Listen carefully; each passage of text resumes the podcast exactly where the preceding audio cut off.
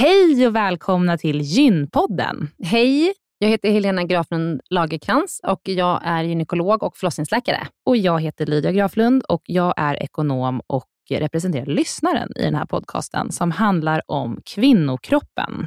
Det är vetenskaplig fakta om kvinnokroppen och det du hör i den här podden är det som man kan höra om man får träffa en läkare eller en barnmorska i ett eh, möte. Men ibland så bjuder vi in gäster som berättar om sina personliga erfarenheter och ibland är det också spekulation, men då är det verkligen tydligt att det är spekulation. Annars är grunden för den här podden vetenskaplig fakta om kvinnokroppen. Så är det. Hoppas att ni vill lyssna. Välkomna. Välkomna.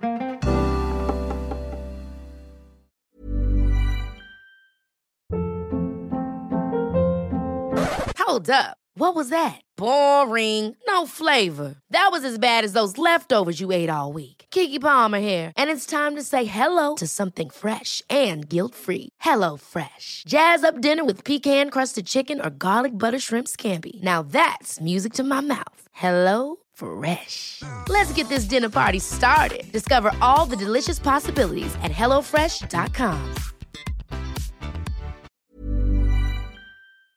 Den här veckans avsnitt av Gynpodden är sponsrad av Ester Care. Och Helena, det är ju det bolaget, vårdbolaget, som du och jag har varit med och startat, där vi erbjuder digitala vårdmöten med specialister inom kvinnovård.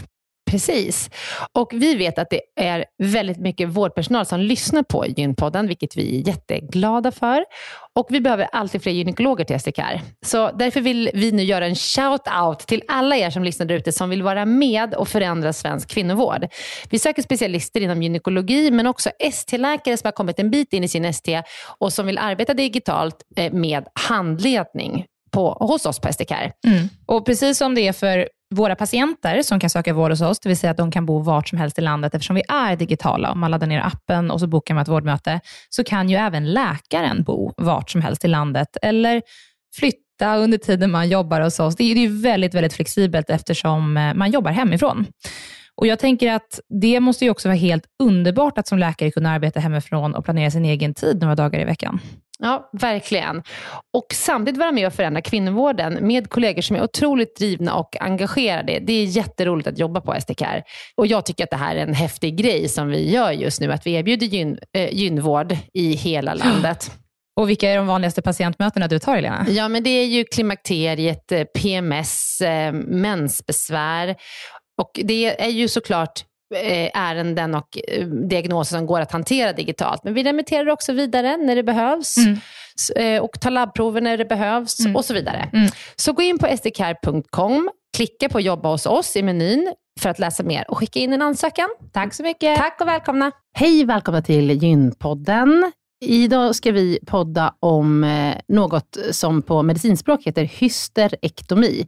Och det betyder att man opererar bort eh, livmodern. Och vi har fått mycket frågor om det här och många som undrar när gör man det och varför behandlar man kvinnor ibland med en medicinsk behandling och ibland opererar man bort livmodern. Och det här ska vi bena ut idag med dagens gäst som heter Ulrika Johannesson. Välkommen! Tack! Ulrika, du är ett superproffs på hysterektomi. Du har gjort eh, tusentals, tänker jag. Kanske. Kanske ja. ja. Ulrika är överläkare och docent på Danderyds sjukhus och eh, vi är ju då kollegor. Jag har ju jobbat på Danderyd, men inte så mycket längre. Men jag ser dig fortfarande som min kollega. Och du är ju dessutom the go-to person när det kommer till just det här. Du opererar ju otroligt mycket och eh, är inblandad i ja, flertalet av de operationer som, där man tar bort livmodern på just Danderyds sjukhus. Eller hur? Ja, det stämmer. Ja. Och dessutom forskar om det här och du berättade att du i morse har landat i, i, här i Stockholm efter att ha varit i Nashville i veckan. Och eh, då har du varit på en kongress om just bland, eller bland annat om när man opererar bort livmodern. Ja, det stämmer. Vi har en studie där vi tittar på vad händer med kvinnornas bäckenbotten efter man, om man måste operera bort livmodern. Hur mår deras bäckenbotten efter och hur är deras sexuella funktion? Och då mm. följer vi kvinnor i en studie eh, och då var det treårsresultaten som vi presenterade nu på den här kongressen. Just det. Görs den studien bara på Danderyds sjukhus eller på flera sjukhus? Denna studien görs bara på Danderyds sjukhus. Mm. Mm kan du berätta lite om resultaten lite senare i podden? Eller ja, är det, är det, det hemligt? Eh, nej, de är inte, liksom, de är inte, de är inskickade under så här peer review som det heter. Så att, eh, då ska man ju vänta och presentera dem okay. tills de är publicerade. Okej, okay. ja, vi väntar väl lite då. Mm.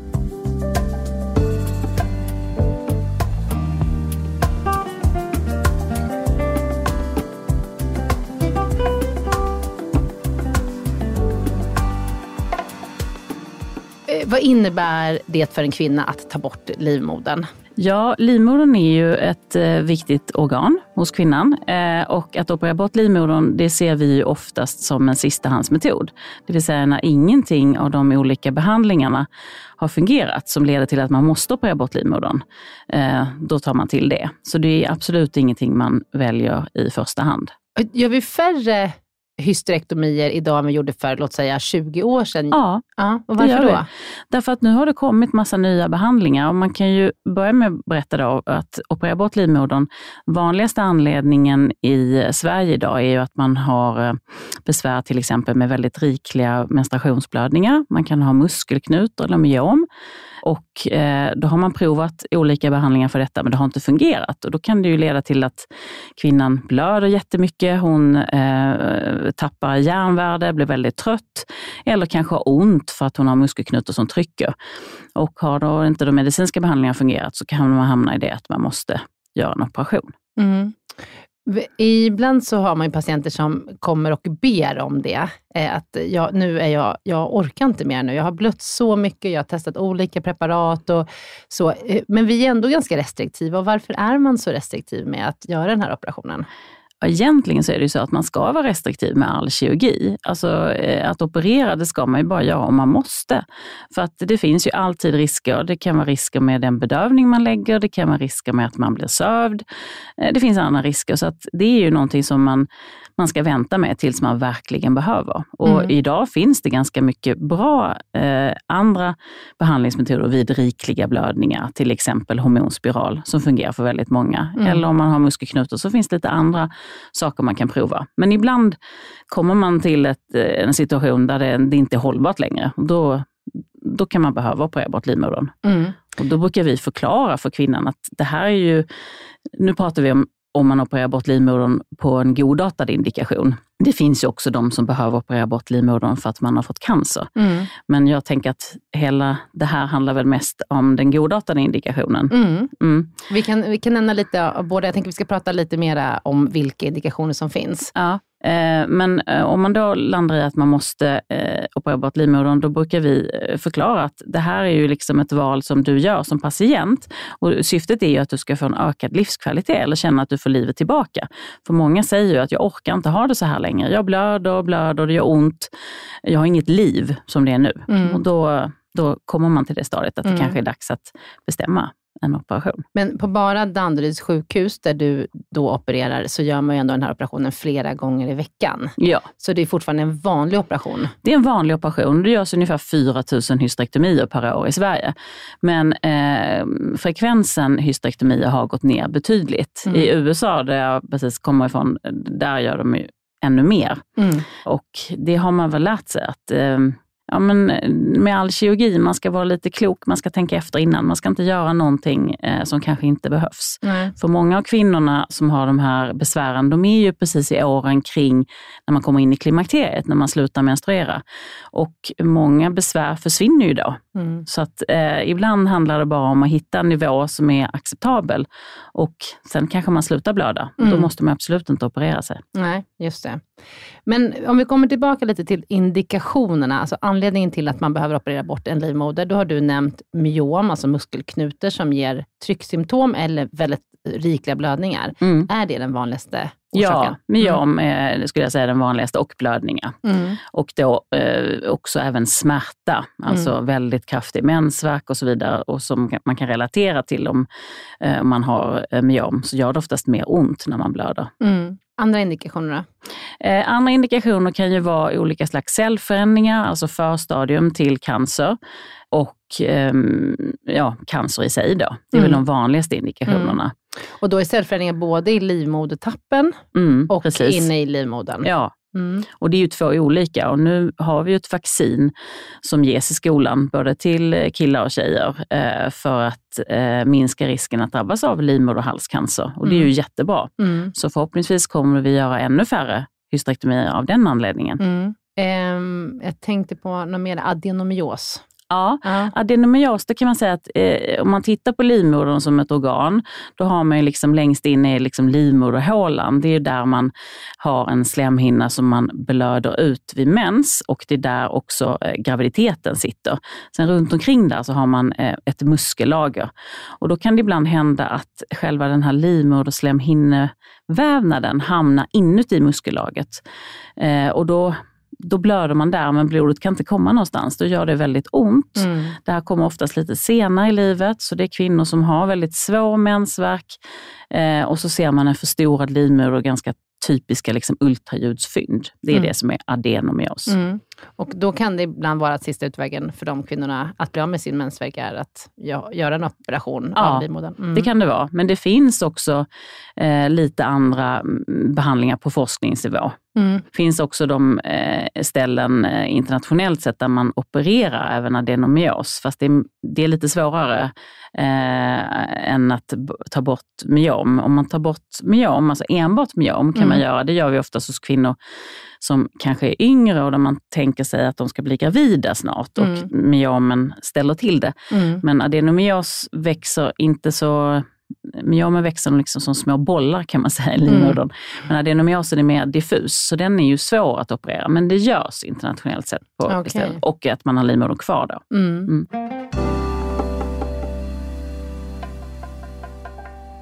Det här med att operera bort bara myomen, Mm. visst gör vi det i stort sett bara på kvinnor som, där man inte har fått klart sina barn, så Ja. att säga. Mm. Ja. Annars så är ju kanske den vanligaste operationen för myom att ta bort hela livmodern. Ja, Ja. det är den vanligaste. Mm. Mm.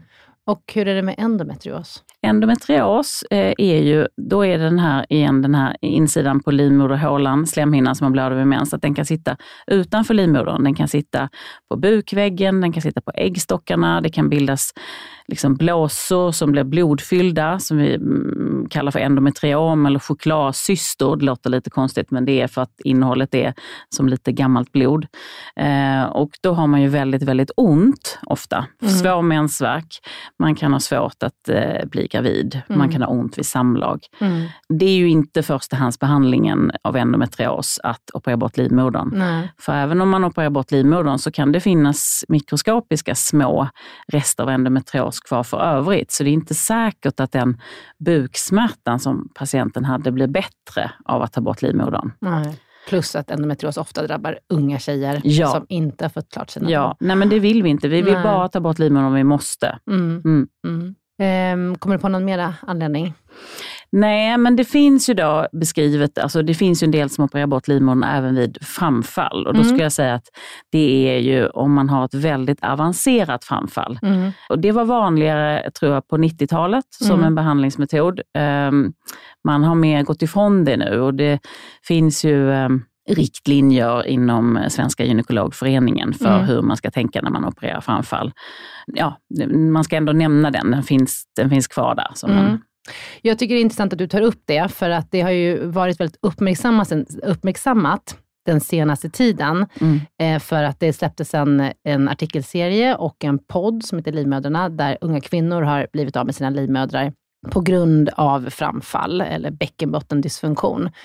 Men då menar du att det här var en operationsmetod som var vanlig förut och som fortfarande, är för, eller som fortfarande förekommer då, utan att det egentligen är något fel med det på en del ställen? Ja, man kan säga att eh, det- det finns ju kvar som en operationsmetod, men om man tittar generellt på Sverige så finns det väldigt många olika sätt att behandla framfall. Och jag tänkte bara kort säga, framfall det är ju eh, egentligen att eh, olika delar av underlivet faller fram. Kvinnan har en tyngdkänsla, det känns liksom obehagligt eh, i underlivet och då kan det vara både slidans framvägg som urinblåsan trycker ut, eller slidans bakvägg som tarmen trycker ut, eller livmodern trillar ner. Det kan vara- vara någon, kombination av de olika tre. Mm. Och det är väl egentligen bara vid väldigt avancerade framfall, alltså där livmodern trillar ut hela vägen utanför kroppen, alltså väldigt långt. Och om det är en äldre patient som det har varit vanligt att, eh, operera bort livmodern. Mm.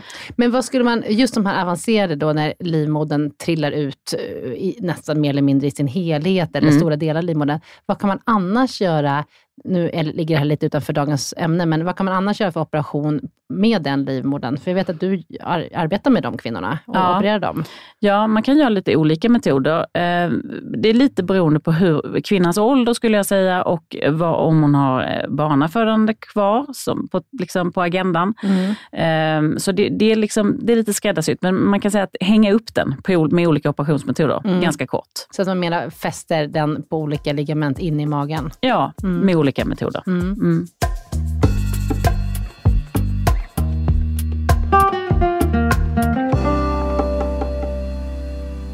När man tar bort livmodern, tar man alltid bort äggledarna? Brukar man ta bort äggstockarna också? Vad, vad ingår liksom i den operationen, så att säga? Ja, att ta bort livmodern, hysterektomi, då innebär att man bara tar bort livmodern.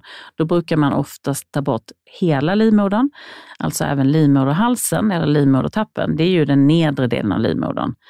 Också tidigare då så fanns det en period där man kanske gjorde subtotala hysterektomier, alltså att man tog bort bara överdelen av livmodern och lämnade kvar livmoderhalsen. Men då har man sett i studier att det innebär en ökad risk för kvinnan att fortsätta blöda. För även om man lämnar kvar livmoderhalsen så finns det lite slemhinna kvar i den. Man kan fortsätta blöda och kvinnan måste ju fortsätta ta cellprover och det finns ju en potentiell risk att det kan bli cellförändringar eller cancer. Så att idag så rekommenderar man att man gör en total hysterektomi Mm. om man måste göra det, hela livmodern. Vad var fördelen med att lämna kvar livmoderhalsen? Ja, för, för det, fördelarna rent kirurgiskt är att det är oftast en snabbare och enklare operation. Eh, men annars har man inte sett några större fördelar. Det är inte så att det är mindre risk för framfall eller så om man eh, lämnar kvar livmoderhalsen. Nej, okej. Men om vi går tillbaka till äggledarna. Eh, äggledarna eh, har man sett att om man tar bort äggledarna samtidigt som man tar bort livmodern, då kan man minska risken att drabbas av äggstockcancer med nästan 50 procent. Eh, och då pågår det en studie i Sverige där man har lottat kvinnor som måste operera bort livmodern till att antingen ta bort äggledarna samtidigt eller inte göra det för att studera. Men internationellt sett så är det nog så att de flesta rekommenderar att göra det och erbjuder kvinnan det. Mhm. Det är inte något, liksom förlänger inte operationen något nämnvärt att göra det. Äggstockarna brukar vi absolut rekommendera att man har kvar om det inte är så att man måste operera bort livmodern på grund av cellförändringar inuti livmodern eller cancer. Då, då tar man oftast bort äggledare och äggstockar också. Mm. Men eh, äggstockarna känns ju rimligt att man har kvar eftersom de producerar hormon. Men äggledarna, vad skulle vara risken med att ta bort dem? Eh, varför Ja. skulle man vilja ha kvar dem så att säga? Ja, alltså risken är ju att äggledarna är ju egentligen transportorganet mellan äggstocken och livmodern.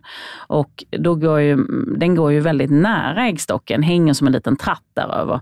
När man tar bort den då kan man ju störa blodcirkulationen till äggstocken och då kan det ju vara kvinnor som får en eh, försämrad funktion i sina äggstockar. Och med risk att kanske komma lite tidigare i klimakteriet. Och det är just det den här studien som pågår i Sverige just nu ska titta eh, Mm. på, om det leder till eh, försämringar för dessa kvinnor. Okej, Mm. mm, spännande. Är det långt kvar på den studien? För den är Ja.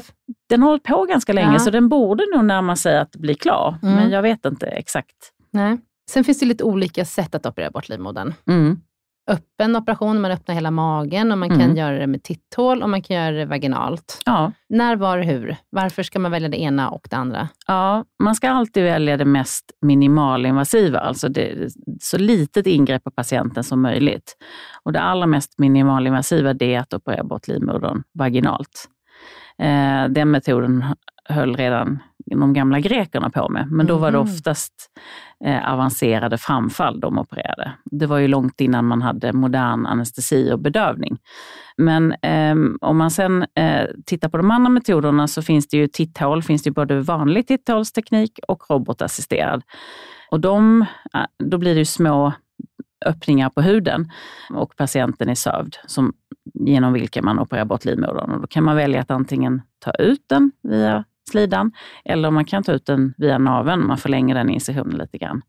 När jag jobbade på Danderyd eh, och var på operation så jag har aldrig sett en vaginal hysterektomi. Mm. Så det, det är ju väldigt liksom, ovanligt att vi gör det på Danderyd och på andra ställen gör man det nästan hela tiden. Mm. Är det här är, är, är det en viss tradition på ett visst sjukhus?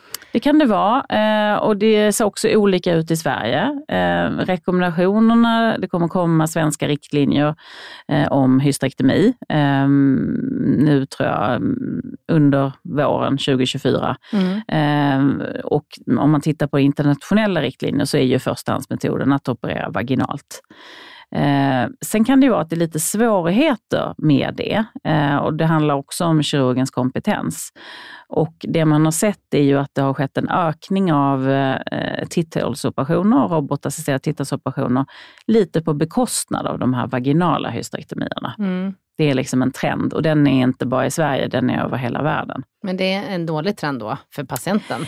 Jag vet, det ja, det, det beror på. För man kan säga att det beror också på om man tittar på komplikationer, vad, vad som händer under operationen med blödningar och så vidare. Det viktigaste för patienten är väl egentligen att de har en operatör som är eh, väl invand med en operationsteknik. Mm. Så om vi benar ut det lite mer då. Mm. Vaginal hysterektomi, då sitter kirurgen mellan benen mm. på, på, på, kvinnan och hon ligger i, som en gynstol och ja. hon är sövd. Nej, hon är oftast i ryggbedövning då. Oftast ryggbedövning då. Och hon får inget ärr på magen. Man Nej. öppnar inte magen. Nej. Om det inte är så att det blir krångligt eh, och då brukar man behöva konvertera, som vi säger, att man ändrar operationsmetod. Mm. Den, det kan ju hända även med vanlig titthålsoperation, mm. att man eh, har svårt att eh, komma åt och då måste man öppna. Då är den vanligaste öppna varianten av hysterektomi är att man gör det via ett bikinisnitt. Mm. Men om livmodern är väldigt, väldigt förstorad, mm. eh, nästan som en höggravid kvinna, mm. alltså om den är så stor, då brukar man ibland göra medellinjesnitt mm. hela vägen. Och det är såklart de mest då invasiva, när man öppnar upp från blygbenet upp till navel ja. för att ta ut livmodern. Ja. Och det är ju ovanligt. Väldigt ovanligt. Men så eh, vaginal hysterektomi, eh, då går man hem kanske samma, nej, dagen efter eller? Stannar de över natt? Nej, eh, det beror lite på var man vårdas. Man kan gå hem samma dag. Man kan mm. säga med fördelen med de minimalinvasiva metoderna är att alla i princip kan gå hem samma dag. Mm. Mm. Ja. Mm. Men har du gjort en eh, öppen bukkirurgi, då brukar man stanna en eller två nätter. Mm. Det är nog det vanligaste. Mm. Mm. Och de som är titthålskirurgi, de brukar gå hem dagen efter, stanna någon natt? Nej, de kan gå hem samma dag. Alltså, vi är tuffa nu för tiden. Ja. När jag började på Danderyd, så sov de alltid över natt, kommer ja. jag ihåg. Ja. Eh, om det inte är någon lång och komplicerad operation och mm. inte tillstöter någonting mm. så kan man gå hem. Mm. Eh, och det handlar också om hur man server patienten så att mm. patienten inte är för trött efter. Mm. Och vi skickar ju inte hem om man känner sig rädd och orolig. Då får man såklart stanna kvar och man vill ju att man ska ha någon hemma då, mm. eh, om man ska gå hem samma dag som och de, de flesta, om man kan gå hem, så vill man ju gå hem. Ja. Eh, så att det, är ju, det är ju väldigt sällan som man väljer att stanna kvar om man mår bra. Ja.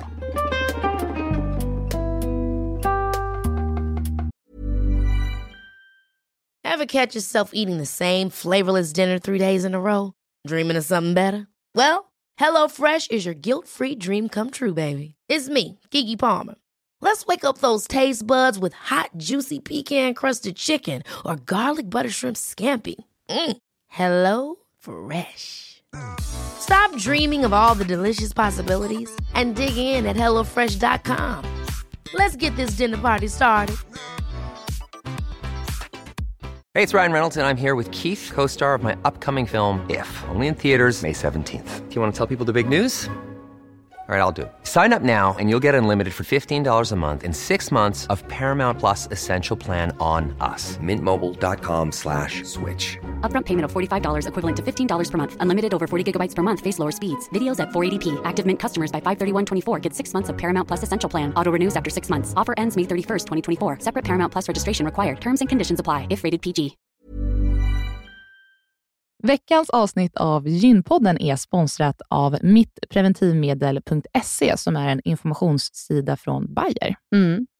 Jättebra informationssida. Eh, den, den är full av information och material för att du på bästa sätt ska kunna välja vilken preventivmedelsmetod som passar dig allra, allra bäst. Mm. Och Det vi tänkte prata om idag det är att det finns något som heter samtalsguide mm.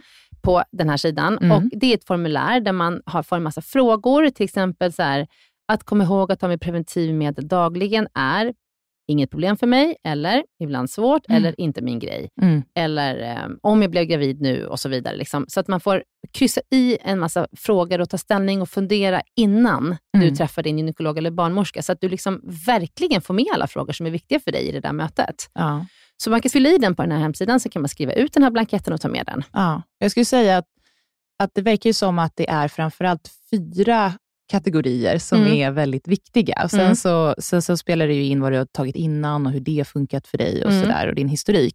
Men det verkar ju som att det handlar mycket om hur liksom ordningsam man är, eller hur strukturerad man är, att kunna ta någonting dagligen. Mm. Eh, hur viktigt det är att man inte blir gravid. Mm. Eh, användning av hormonella preventivmedel eh, och om man vill påverka sin menstruation på något sätt. Mm. Så det verkar som att det är de fyra kategorierna som man, man bör fundera på innan Mm. man väljer ett preventivmedel.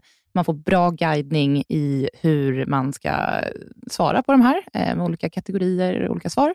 Och Sen så tar man med sig det till sitt möte med barnmorska och gynekolog och då är man väl förberedd. Mm. Och jag lovar er att om ni gör det här innan ni går eh, till en barnmorska eller gynekolog, då kommer ni få mycket bättre hjälp. För att det här är liksom ingenting som bara finns i en, utan man måste liksom fundera lite på Ja. så här, vad är viktigt för mig. Vill jag ha mens eller inte? Ja. Och så vidare. Så att, gå in på mittpreventivmedel.se och titta runt där och gör den här eh, ja, samtals, samtalsguiden. samtalsguiden. Tack Bayer för att ni har utvecklat denna braiga sida om Ja. preventivmedel. Det är otroligt bra. Mm. Tack så jättemycket. Tack. Ja, men så vi har de tre metoderna och jag vet att du opererar mest på eh, den robotassisterade laparoskopin, alltså titthålsoperationen. Hur Mm. lång tid tar en sån operation? Ja, lite beroende på livmoderns storlek, men en timme ungefär. Mm. Så Mm. det går ganska snabbt. Mm. Mm. Behöver man ha blodförtunnande sprutor efteråt? Ja, det brukar vi ge, för att man ligger ju oftast i benstöd under operationen och ligger en längre tid. Och det här är oftast kvinnor som är över 40 år också. Mm. Och då har man en ökad risk att drabbas av blodpropp. Så att då brukar vi eh, ge rutinmässigt eh, blodproppsförebyggande sprutor under en vecka Mm. efter. Och om man gör titthål, hur ont har man? Behöver man morfin eller klarar man sig ofta på Ipren och Alvedon? Ja, vi skriver väldigt sällan ut morfin och Mm. det eh, var kanske vanligare förr i tiden när jag, jobbade, alltså när jag började jobba på Danderyds sjukhus. Men nu har man ju sett med hela den här opioidskandalen att det är något av det sämsta man kan ge kvinnor. Mm. Man vill ju inte ge dem ett beroende. Nej. Oftast klarar man sig väldigt bra med Alvedon och Naproxen till exempel, Mm. som smärtlindring. Det Mm. brukar räcka. Sjukskriver du kvinnorna? Sjukskriver, eh, men många som till exempel är egna företagare så, de vill inte bli sjukskrivna. De vill gärna jobba direkt. Eh, och har du kontorsarbete så kan du börja jobba ganska snabbt efter. Mm. Men har du ett jobb med tunga lyft, då brukar vi sjukskriva lite längre. Mm. Så syr man, man syr ju då ihop vaginaltoppen, Mm. där livmoderhalsen liksom kommer ner i vanliga fall. Ja. Och eh, är det någon risk med den? Hur, när får man ha samlag efteråt? Ja, det är också lite olika rekommendationer, men man kan säga att de flesta landar väl någonstans mellan 8 till 12 veckor, så man ska eh, inte ha penetrerande sex. Jag brukar vara tydlig med att man kan absolut ha sex på annat vis, men undvika penetration för att det ska liksom vara stabilt i slidtoppen efter. Mm. Och vad är risken om man har sex innan? Risken är, Penetrerande sex innan? ja, det, risken är ju att eh, eh, själva slidtoppen inte är helt läkt, men den är inte riktigt lika stabil och då kan det ju spricka där. Mm. Det är ju inte så bra. Nej. Nej. Och så kanske gör lite ont i Mm. första Mm. månaderna, tänker jag också. Ja. Man är ju ändå sydd i slidan. Ja. Mm. Tänker du, är det någonting mer som vi har glömt kring själva operationsförloppet? Så, det tar inte jättelång tid, kvinnorna går hem ganska snart. Mm. Och det man ska, många, mm, det är ju lite olika med hur man har liksom uppfattat det här med livmodern och så, men en, en, en inte helt ovanlig fråga som jag har fått är, kommer jag fortsätta ha mens? Och där Mm. är svaret nej. Nej. Du kommer inte ha mens något mer. Du kommer inte heller behöva ta cellprov något mer. Eh, om det inte är så att det var cellförändringar som orsakade att man tog bort livmodern. För då Mm. behöver man fortsätta gå på kontroller och då tar man liksom som ett litet prov i slidtoppen. Just det. Mm. Eller om man i, då, i sällsynta fall nu har kvar sin livmodertapp, då måste man fortfarande ta cellprov Ja. enligt screeningen. Ja. Mm. Ja, okej. Ulrika, vilka risker finns det med att operera bort livmodern? Eh, först kan man titta på riskerna eh, som finns relaterat till att man behöver ju lägga någon form av bedövning, antingen en ryggbedövning eller så måste man sövas. Då finns det ju lite risker med det. Och eh, om man ska sövas brukar man stoppa ner en slang i halsen och det finns liksom lite risker relaterat till det. En del vaknar och känner att de har lite ont i halsen och förstår inte varför. Det är för att man har haft en slang i halsen och man får hjälp med andningen medan man sover helt enkelt. Mm.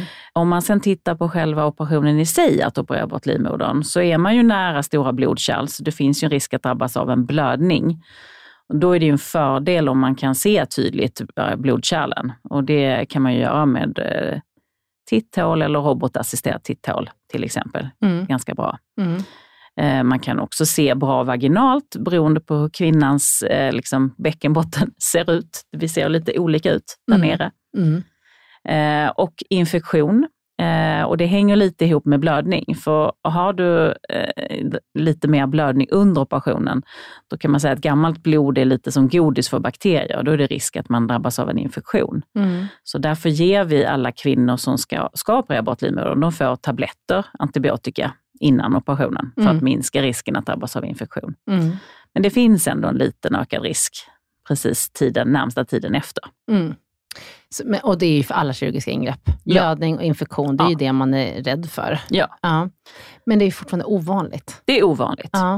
Eh, och sen så finns det då andra liksom organkomplikationer, att något organ skadas om det till exempel är mycket sammanväxningar i magen mm. av olika anledningar, om man har gjort någon annan operation tidigare i livet då är ju risken att man kan skada urinblåsan eller att man kan skada tarmen och så vidare. Men det är också ovanligt. Mm. Och det går att reparera.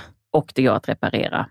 Eh, och vi brukar alltid prata speciellt med de kvinnor som har tidigare kanske lite större bukkirurgi, alltså man har stora ärr på magen, om hur vi tänker och hur vi gör för att minimera riskerna eh, mm. att man får någon organskada. Mm. Och det är väldigt ovanligt. Mm. Men det låter, så, det låter ju liksom nästan lite livsfarligt nu när vi sitter och pratar om det. Och också här är ju kirurger, ni är ju väldigt restriktiva och liksom man lyfter riskerna. Ingenting får ju någonsin gå fel. Men eh, det är ju ovanligt att någonting går fel. Ja, det är ändå Eller, ovanligt. Alltså vi ser mm. det ovanligt. Det är ju liksom, mm. Man ser ju komplikationer, men, men givet att det, att det görs 4 000 hysterektomier per år, så är de ju inte så många. Nej, de är inte, så, inte, inte de allvarliga komplikationerna. De Nej. vanligaste komplikationerna är ju eh, infektioner, skulle jag mm. säga, i mm. någon form. Mm. Eh, sen finns det ju komplikationer på längre sikt att operera bort livmodern. Och då, är ju, då kommer vi tillbaka till det här med framfall, att någonting trillar ut. Eh, och då är ju livmodern borta, men eh, jag har en pensionerad kollega som brukar säga, det är aldrig livmoderns fel när den trillar ut. Eh, Nej. Så att det är liksom, då är det de här stödjevävnaderna som livmodern har hängt i, som sen slidtoppen ska hänga kvar i.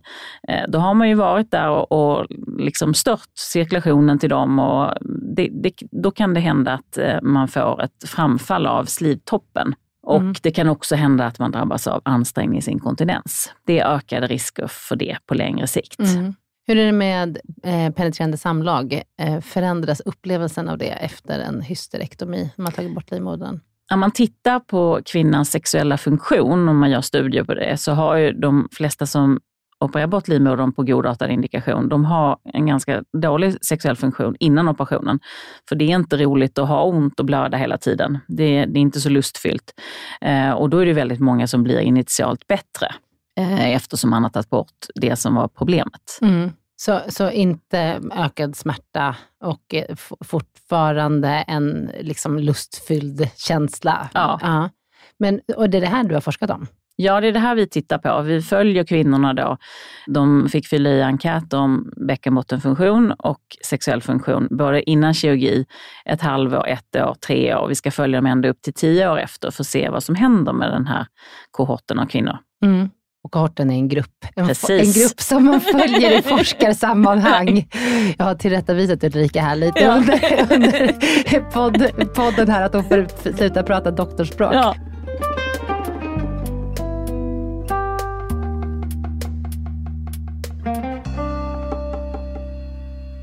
Jag tycker vi har täckt mycket nu här om hysterektomi, men för att fråga Ulrika, är eh, opererade roligaste du vet? Det roligaste jag vet ja. är att hjälpa kvinnor så att de, mm. de får ett bra liv tillbaka. det, det är väldigt tillfredsställande att känna att man kan hjälpa någon annan. Mm. Det är ju det det handlar om att vara läkare. Mm. Bota, lindra och trösta. Ja, men för jag tänker att du lägger ner så otroligt mycket tid på det här. Det är tidiga morgnar, det är sena kvällar, operationer som drar ut på tiden, det är på helgerna och det är, alltså, du jobbar så otroligt mycket med det. det är, vilken insats du gör. Ja, men det är ju... Det, man vill hjälpa. Ja, man vill hjälpa. Ja, men du, har jag glömt någonting i, mina frå- i mitt frågebatteri här om eh, livmoderoperationer? Någonting, Vad brukar du få för frågor av kvinnor när du sitter med de här innan och efter? Nej, men en väldigt vanlig fråga är det vi har gått igenom med Mm. riskerna eh, på längre sikt. Och då när vi, eh, de här långtidsriskerna för framfall och inkontinens, då brukar jag också prata om att det finns ju väldigt mycket annat som kan ge framfall och inkontinens. Eh, mm, till exempel att ha fött barn vaginalt. För varje barn man föder vaginalt så ökar risken för framfall. Eh, och om man har någon ärftlighet för framfall, om man har någon mamma och så vidare. Så att om man liksom bakar in det så kan man ju göra någon slags riskkalkyl, Mm. vad risken är för dig. Mm. Men om du bara har fött ett barn och det var med kejsarsnitt och du inte har någon ärftlighet, då är det klart att du har lägre risk att drabbas av framfall. Eh, har du någon erfarenhet av att, eh, att, en, liksom att man opererar för fort, så att säga? Liksom, och att en- någon kvinna att man ångrar sig efteråt? Eller eh, blir nästan alla nöjda när man opererar bort sin livmoder, när man har no en indikation för det? Att, att, det jag menar är så här, eh, vi provar ju alltid med olika medicinska behandlingar och kanske lite andra in, ingrepp så här, innan man Mm. tar bort livmodern. Men eh, ibland så är ju ändå kvinnan så här, nej, jag, jag vill detta. Min mamma opererar bort. Och liksom, har, har du ändå varit med om då att det, att det ibland har gått för fort? Ja, det har jag varit med om och det, där jag eh, kom ifrån på den här, eh, det här forskningsmötet så Mm. presenterade de forskning om det, just om eh, regrets, alltså kvinnor som känner att de ångrade sig. Mm. Och då kunde man identifiera riskfaktorer för kvinnor som känner att de ångrar att de gjorde den operationen. Det är ju oftast de som har kanske mått ganska dåligt innan operationen.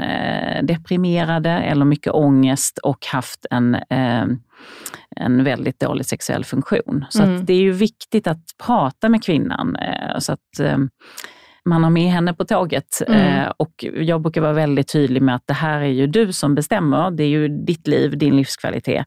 Jag kan ju säga vad jag rekommenderar. Om man går och blöder liksom jättemycket och inte orkar göra någonting så det är klart att det inte är så roligt. Men det är ju inte jag som bestämmer, det är ju kvinnan som Mm. måste bestämma. Mm.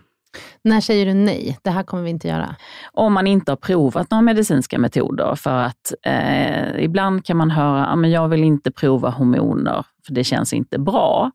Och då försöker jag säga att det kanske är just det som är bra i ditt fall här. För det Mm. finns inga muskelknutor, du blöder jättemycket med mens. Då brukar till exempel en hormonspiral kunna fungera väldigt bra. Mm. Den passar inte alla. En del kan få biverkningar, men ibland kanske det är det som en annan kollega uttryckte som kan få en att surfa in i klimakteriet. Mm. Att man bara kommer förbi den här perioden när man haft de här rikliga blödningarna och sen har man inte de besvären. Nej. Surfa in i klimakteriet. Är det Helena Kopp-Kanner som säger det? Vår mesta gäst här i podden. ja, det, ja, jag förstår. Ja, men du Ulrika, tusen tack.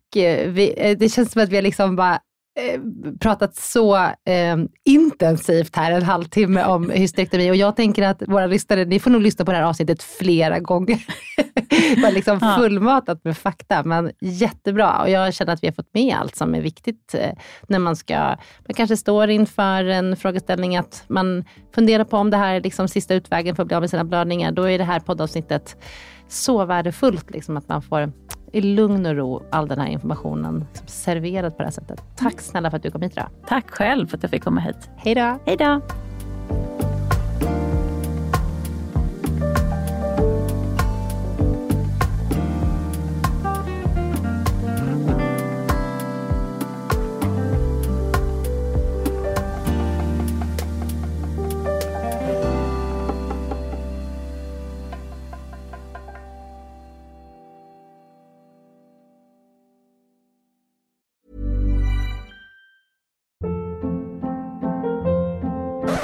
Hold up. What was that? Boring. No flavor. That was as bad as those leftovers you ate all week. Kiki Palmer here, and it's time to say hello to something fresh and guilt-free. Hello Fresh. Jazz up dinner with pecan-crusted chicken or garlic butter shrimp scampi. Now that's music to my mouth. Hello Fresh. Let's get this dinner party started. Discover all the delicious possibilities at hellofresh.com.